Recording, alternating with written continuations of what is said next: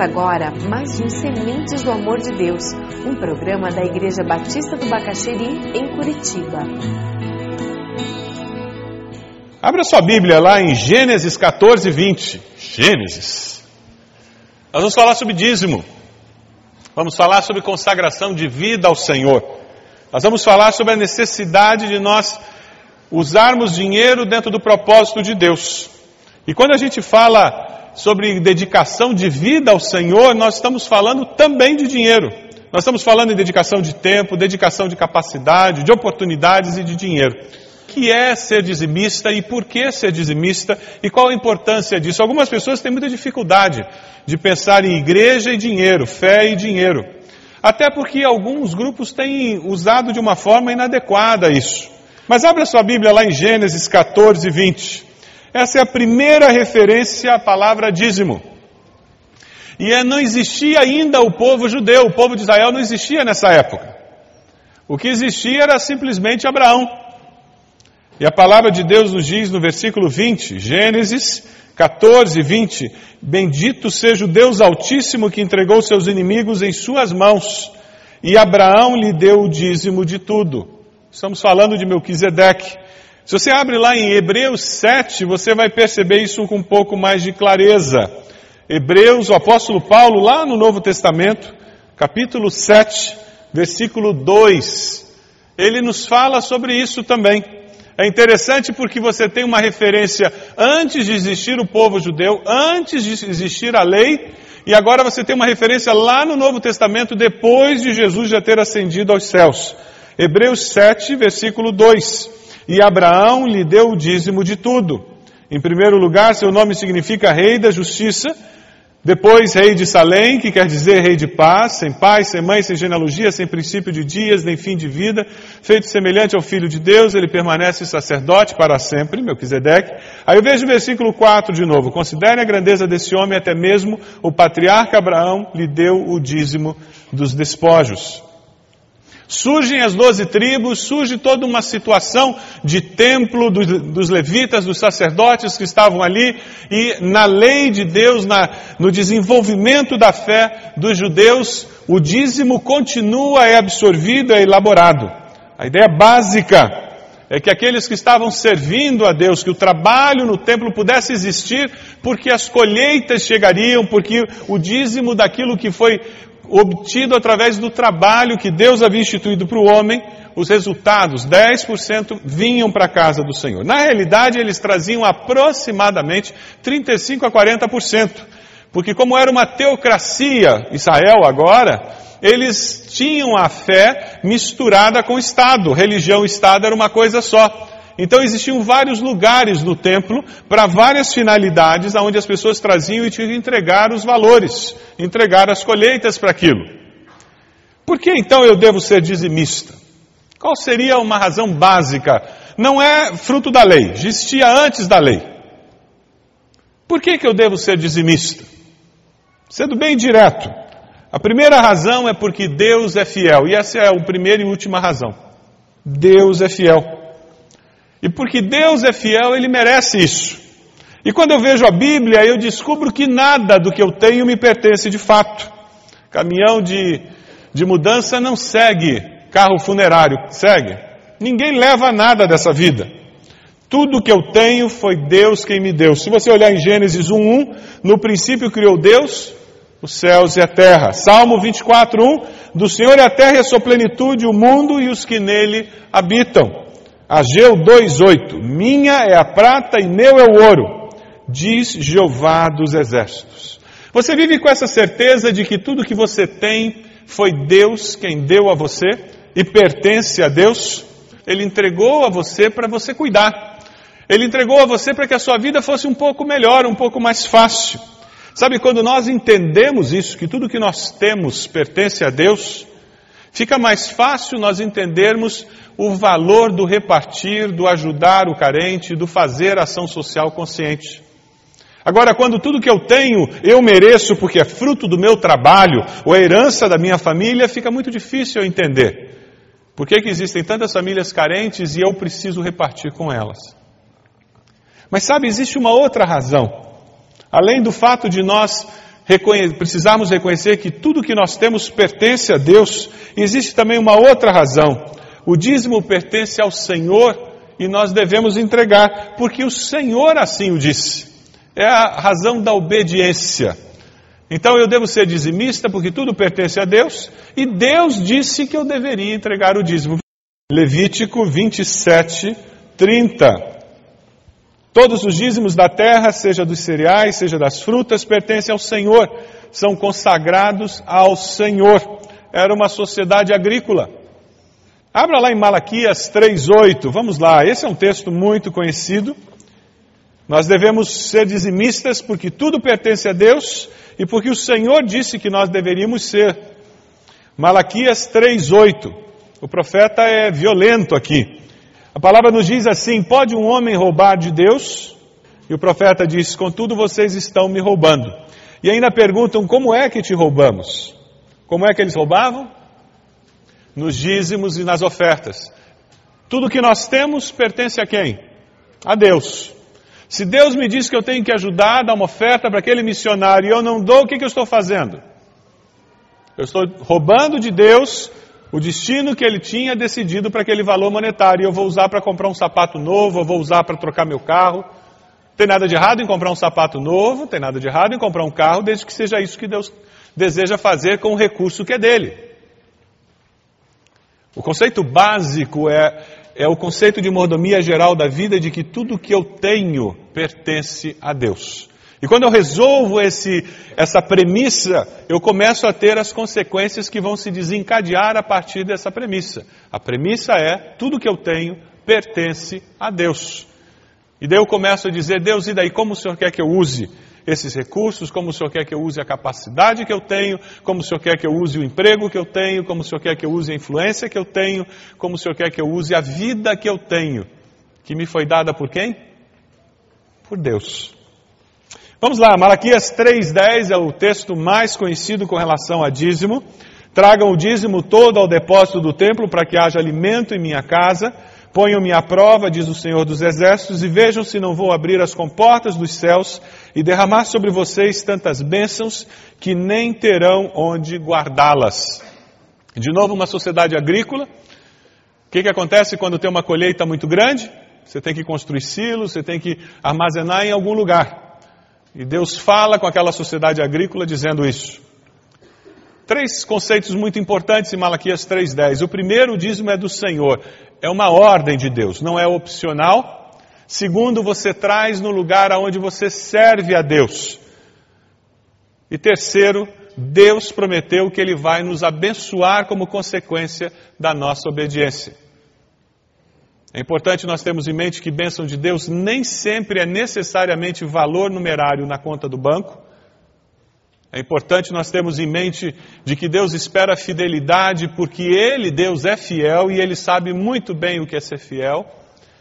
E é importante nós entendermos que os dízimos devem ser entregues no lugar onde eu sirvo a Deus, aonde eu posso influenciar o processo de utilização daqueles recursos, o lugar onde eu gero despesa, Algumas pessoas têm o costume de dizer: Eu vou mandar o meu dízimo para minha igrejinha lá do interior. Já viu isso? O que eles estão dizendo é: Deus é tão irresponsável que ele não cuida daquela igrejinha. Se eu não cuidar, eles não conseguem pagar as contas. Se eu sirvo a Deus aqui, eu entrego meus dízimos aqui, e se Deus continua colocando no meu coração um peso, uma preocupação com as finanças daquela igreja, sabe por que, que Ele está fazendo isso? Porque Ele quer que você mande uma oferta para eles, para abençoá-los. Dízimo e oferta são duas coisas diferentes. A oferta é privilégio que Deus nos dá, daqueles 90% que ficam na nossa mão, para nós decidirmos como usar aquilo. É um extra. É um outro conceito que muitas vezes é perdido. Você tem sido dizimista fiel, você tem servido a Deus através dos recursos que Deus tem colocado nas suas mãos? Você tem sido fiel e regular? Esse é o tipo de pergunta que vem quando nós falamos sobre esse assunto. E como é importante uma igreja de Cristo entender que dinheiro é simplesmente um meio. É necessário, ele não é mais espiritual nem menos espiritual. Ele simplesmente é um instrumento que nós usamos em nossa sociedade para fazermos troca. E como durante a semana, todos os dias, nós falamos em dinheiro na nossa casa, na igreja também nós falamos em dinheiro. Pastor João Falcão Sobrinho, com muita propriedade, ele fala sobre algumas desculpas muito comuns com relação ao dízimo e que ele chama de desculpas inaceitáveis. A primeira delas é que o meu salário é pequeno, ele não dá para as minhas necessidades. Já ouviu isso? Eu não sou dizimista porque eu ganho muito pouco. Sabe, a minha mesada é uma miséria. Meus pais são sovinas. É, jovem, adolescente deve entregar o dízimo da mesada. Você tem que ser fiel no pouco para vir a ser fiel no muito, o dia que você tiver muito. É por isso que Deus usa percentual e não valor como o clube usaria. Minhas despesas são muito grandes, é outro argumento. Eu nem sei como calcular os meus dízimos. Existem pessoas que gastam mais do que ganham e vivem em situação crítica financeira. Eu estou construindo a minha casa, ou estou comprando uma propriedade, ou estou investindo num novo negócio. Mas quem disse que o dinheiro que você está usando para construir a casa, investir no novo negócio é seu? Ele é de Deus. E se Deus disse que você deveria ser dizimista, você entrega o dízimo confiando que Deus vai abençoar o que ficou com você para que você possa fazer a construção, você possa fazer esse negócio. Aí tem uma outra que é, é muito bonita, né? Sou dizimista de coração. Eu sou dizimista de coração. No, no fundo, no fundo, Deus sabe que eu queria ser dizimista.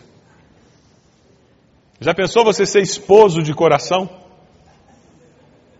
Entende? Eu, eu não sou fiel à minha mulher, eu não moro naquela casa, ninguém sabe quando eu venho, quando eu não venho, mas lá no fundo ela sabe que eu sou esposo dela. Não funciona assim. Ou eu sou ou não sou. Uma outra desculpa inaceitável, segundo o pastor João Falcão Sobrinho, no mês que vem, mês que vem eu prometo que eu vou ser o dizimista, que eu vou entregar meu dízimo. Isso aí é que nem a história da dieta, né? Segunda-feira eu sempre vou começar a dieta nova. Você nunca vai emagrecer se você vai esperar até segunda para começar a dieta. Começa hoje. Uma outra desculpa, a número seis, eu não, não entrego o dízimo porque não concordo com este ou com aquele gasto que a igreja faz. Então envolva-se no processo de decisão da igreja. Ou confie que Deus vai levantar pessoas para realizar aquilo que Deus quer e elas responderão para Deus. Você vai responder para Deus se você entrega o dízimo ou não, e elas vão responder para Deus como usaram os dízimos que foram entregues. Um outro argumento, eu não vejo fundamento para o dízimo no Novo Testamento. Normalmente são pessoas que querem dar mais do que 10%, por isso que elas são contra o dízimo. É verdade? Não, normalmente quem fala isso é porque quer dar menos. Eu nunca vi ninguém ser contra o dízimo porque queria dar 20% e agora com essa história de dízimo eu só posso entregar 10%. E a última, eu contribuo segundo o que proponho no meu coração. O dinheiro é meu e eu gasto como eu quero. Essa pessoa não entendeu ainda que o dinheiro não é dela. Como lei para ser aceito por Deus, o dízimo acabou mesmo como lei para ser aceito por Deus. Essa é uma característica do povo judeu. Veja, nós vimos o dízimo antes de existir povo de Israel, nós vimos o dízimo quando existia o povo de Israel, e nós estamos falando do dízimo depois da vinda de Jesus. Durante o período em que o povo de Israel estava cumprindo todas aquelas características da lei para ser aceito por Deus, o dízimo assumiu essa característica e isso não existe mais. O dízimo hoje ele continua existindo como princípio, como parâmetro para nós e como uma maneira de nós expressarmos gratidão e amor a Deus e reconhecimento de quem é o nosso dono. Jesus sempre confirmou que o dízimo era o mínimo que nós deveríamos fazer. Quando nós entregamos o dízimo, existe essa, conotação de reconhecimento de que a vida que eu tenho, tudo que eu tenho não é meu. Eu estou entregando porque é de Deus porque o restante também é de Deus, porque a vida que eu tenho é de Deus e porque Deus é quem me sustenta. Por que então eu devo ser dizimista? Porque Deus é fiel. Toda a minha vida, tudo que ganho são depósitos feitos por Deus para serem usados conforme a sua vontade. Vamos lá para Mateus. É só folhear um pouquinho a Bíblia. Mateus 25. Mateus 25 tem vários textos, é um texto bem conhecido nosso, a parábola dos talentos. Quando nós percebemos o que Deus está fazendo aqui na parábola dos talentos, nós começamos a entender que Deus não está preocupado no valor, Deus está preocupado com o nosso caráter. É por isso que ele dá um percentual. Porque daí quem ganha um salário mínimo e quem ganha muito dinheiro também vai ter uma experiência de fé, um passo de fé a ser dado. Quem ganha mesada vai ter que dar um passo de fé. Mateus 25, 15, a palavra nos diz, a um deu cinco talentos, a outro dois, e a um e a outro um, a cada um de acordo com a sua capacidade. É por isso que nem todos nós temos a mesma situação financeira, nem todos nós temos o mesmo tipo de vida, padrão de vida. E porque a vida é diversa, Deus trabalha conosco através de princípios. E é interessante, veja ali o versículo 19 ao 21. Depois de muito tempo, o senhor daqueles servos voltou e acertou contas com eles. O que tinha recebido cinco talentos, trouxe os outros cinco e disse: O senhor me confiou cinco talentos. Veja, eu ganhei mais cinco. O senhor respondeu muito bem, servo bom e fiel, você foi fiel no pouco, eu o porei sobre o muito. Venha e participe da alegria do seu senhor. O senhor voltou e cobrou tudo aquilo que havia colocado nas mãos dos seus servos, valores diferentes mas a expectativa era a mesma. Tanto que aquele que ganhou cinco e que ganhou dois, que fizeram alguma coisa com aqueles talentos que eles tinham, que obedeceram à ordem do Senhor, eles receberam a mesma recompensa. O que dobrou cinco e o que dobrou dois receberam os dois a mesma recompensa. Da mesma forma, isso acontece conosco com relação aos dízimos. Se eu sou fiel em dízimo, mas o meu dízimo é tão pequeno, o meu salário é tão pouco, Deus não está olhando para o valor que é depositado. Deus está olhando para o seu coração, para a atitude do seu coração, o seu caráter, a sua motivação, a razão de existência da sua vida. Porque muito mais do que o valor monetário, Deus quer o nosso coração e a nossa vida. Lembram da história da viúva? Que entregou uma moedinha que era o equivalente a um centavo. E Deus disse: ela deu a maior oferta. Porque Deus viu o coração dela, a motivação dela. O seu dízimo ou oferta pode ser pequeno, porém, se é o melhor que você tem, isso agradará a Deus. É por isso que o dízimo da mesada é pertinente. É uma forma de nossos filhos estarem aprendendo a contribuir e ver a bênção de Deus como consequência disso. Por isso é percentual de renda e não valor absoluto. Por isso que Deus escolheu que fosse assim. Aí no nosso país, você vai encontrar de vez em quando algum, alguns que têm uma ideia meio socialista, com uma roupagem de cristianismo, mas que na realidade é preconceito com pobre. Você já ouviu pessoas que acham um absurdo que uma pessoa pobre, que ganha salário mínimo ou menos, entregue alguma oferta na igreja? Já ouviu alguém falar isso? Eu já ouvi. Argumentando é um absurdo isso. E eu me lembro quando alguém veio argumentar e começou a falar, isso é exploração. Uma pessoa que é classe média, que tem uma condição financeira melhor, esse sim pode dar alguma oferta. Ela não está entregando o dízimo por coerção. É privilégio sustentar a obra de Deus. Isso é preconceito. Você acha que ele é tão incompetente e ele tem uma situação financeira tão ruim que nem isso ele tem o direito de fazer. Só quando você melhorar de vida é que você vai ter o direito de contribuir. É privilégio e é por isso que Deus colocou o percentual. Porque daí aquele catador de papel lá na Vila Zumbi pode ter alegria de vir no culto e entregar a oferta dele. E esse é um, esse é um dos desafios de hoje. Você tem crescido na sua participação no reino de Deus? Essa é uma pergunta que não pode calar. A nossa participação como mordomos de Cristo deve ser algo dinâmico que vai crescendo. Existem pessoas que são tremendamente fiéis e regulares, 10% até a morte. Será que não dá para crescer nisso? Será que eu não posso ir um pouco além dos 10%? Será que Deus não espera isso de mim? Mas esse conceito, existe uma resistência em nós. Porque a sociedade passa isso para nós e a natureza pecaminosa faz alimentar isso dentro de nós, de que eu, o dinheiro é meu. E se Deus colocar no seu coração para contribuir com mais?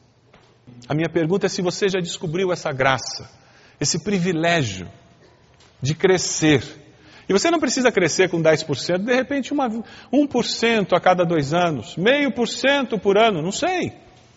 Deus pode colocar isso no seu coração.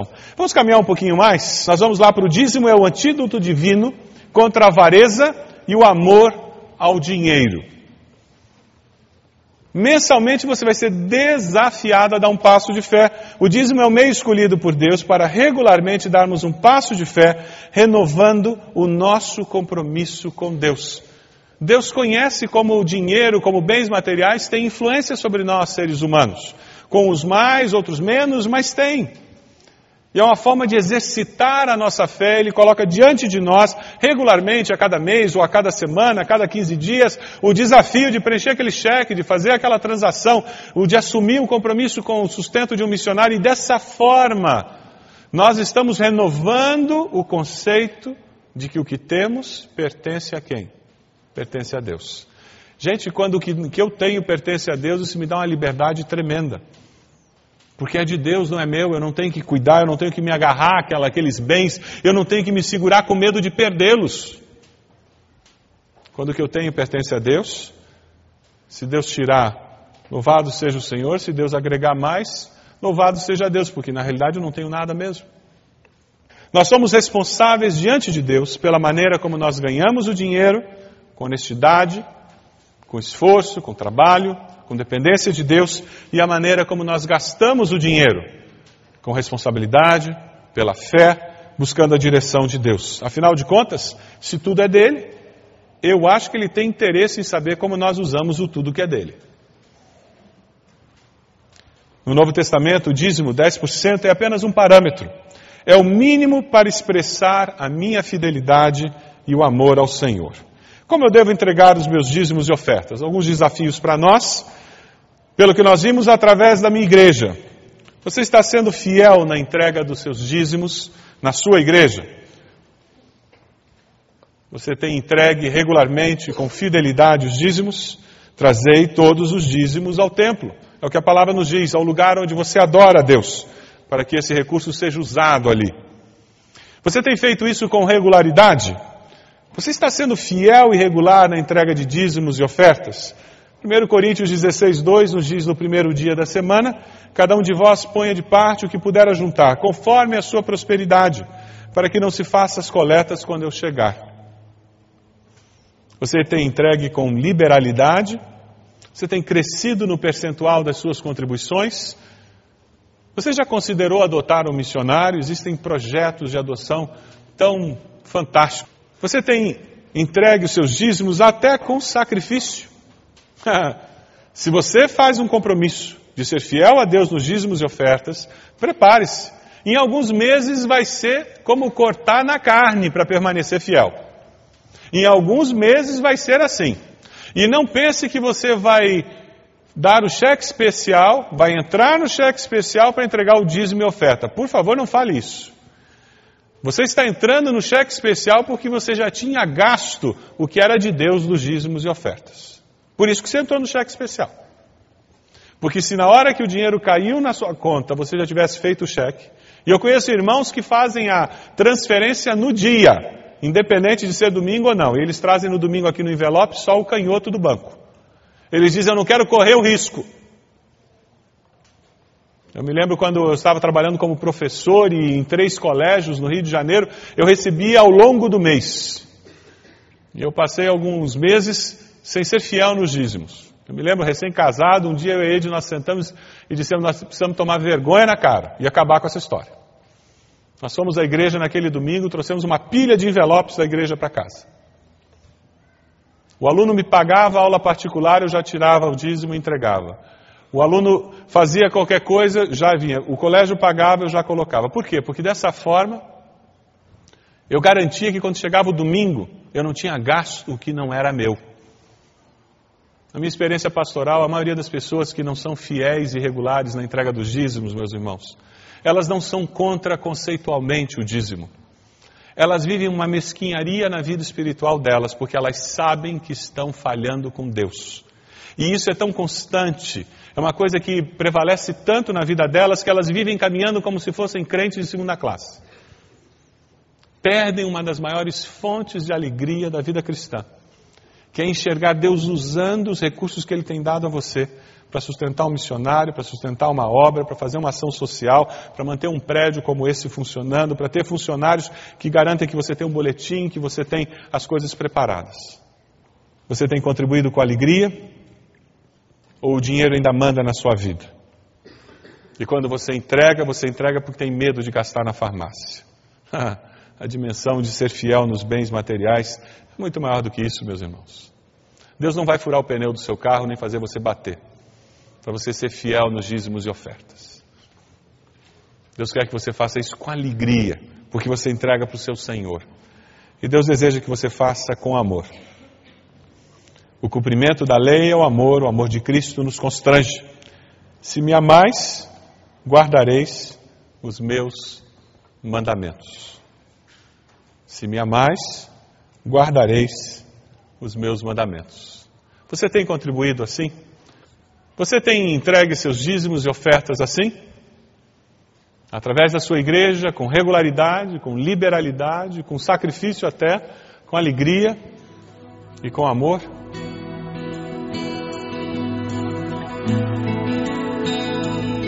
Este foi mais um programa Sementes do Amor de Deus, com o pastor Roberto Silvado, da Igreja Batista do Bacaxeri.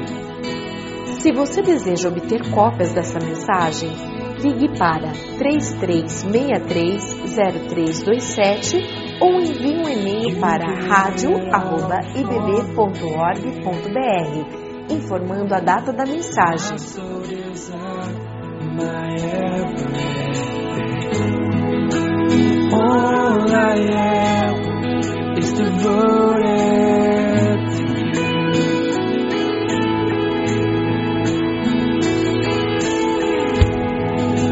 How could I fail to?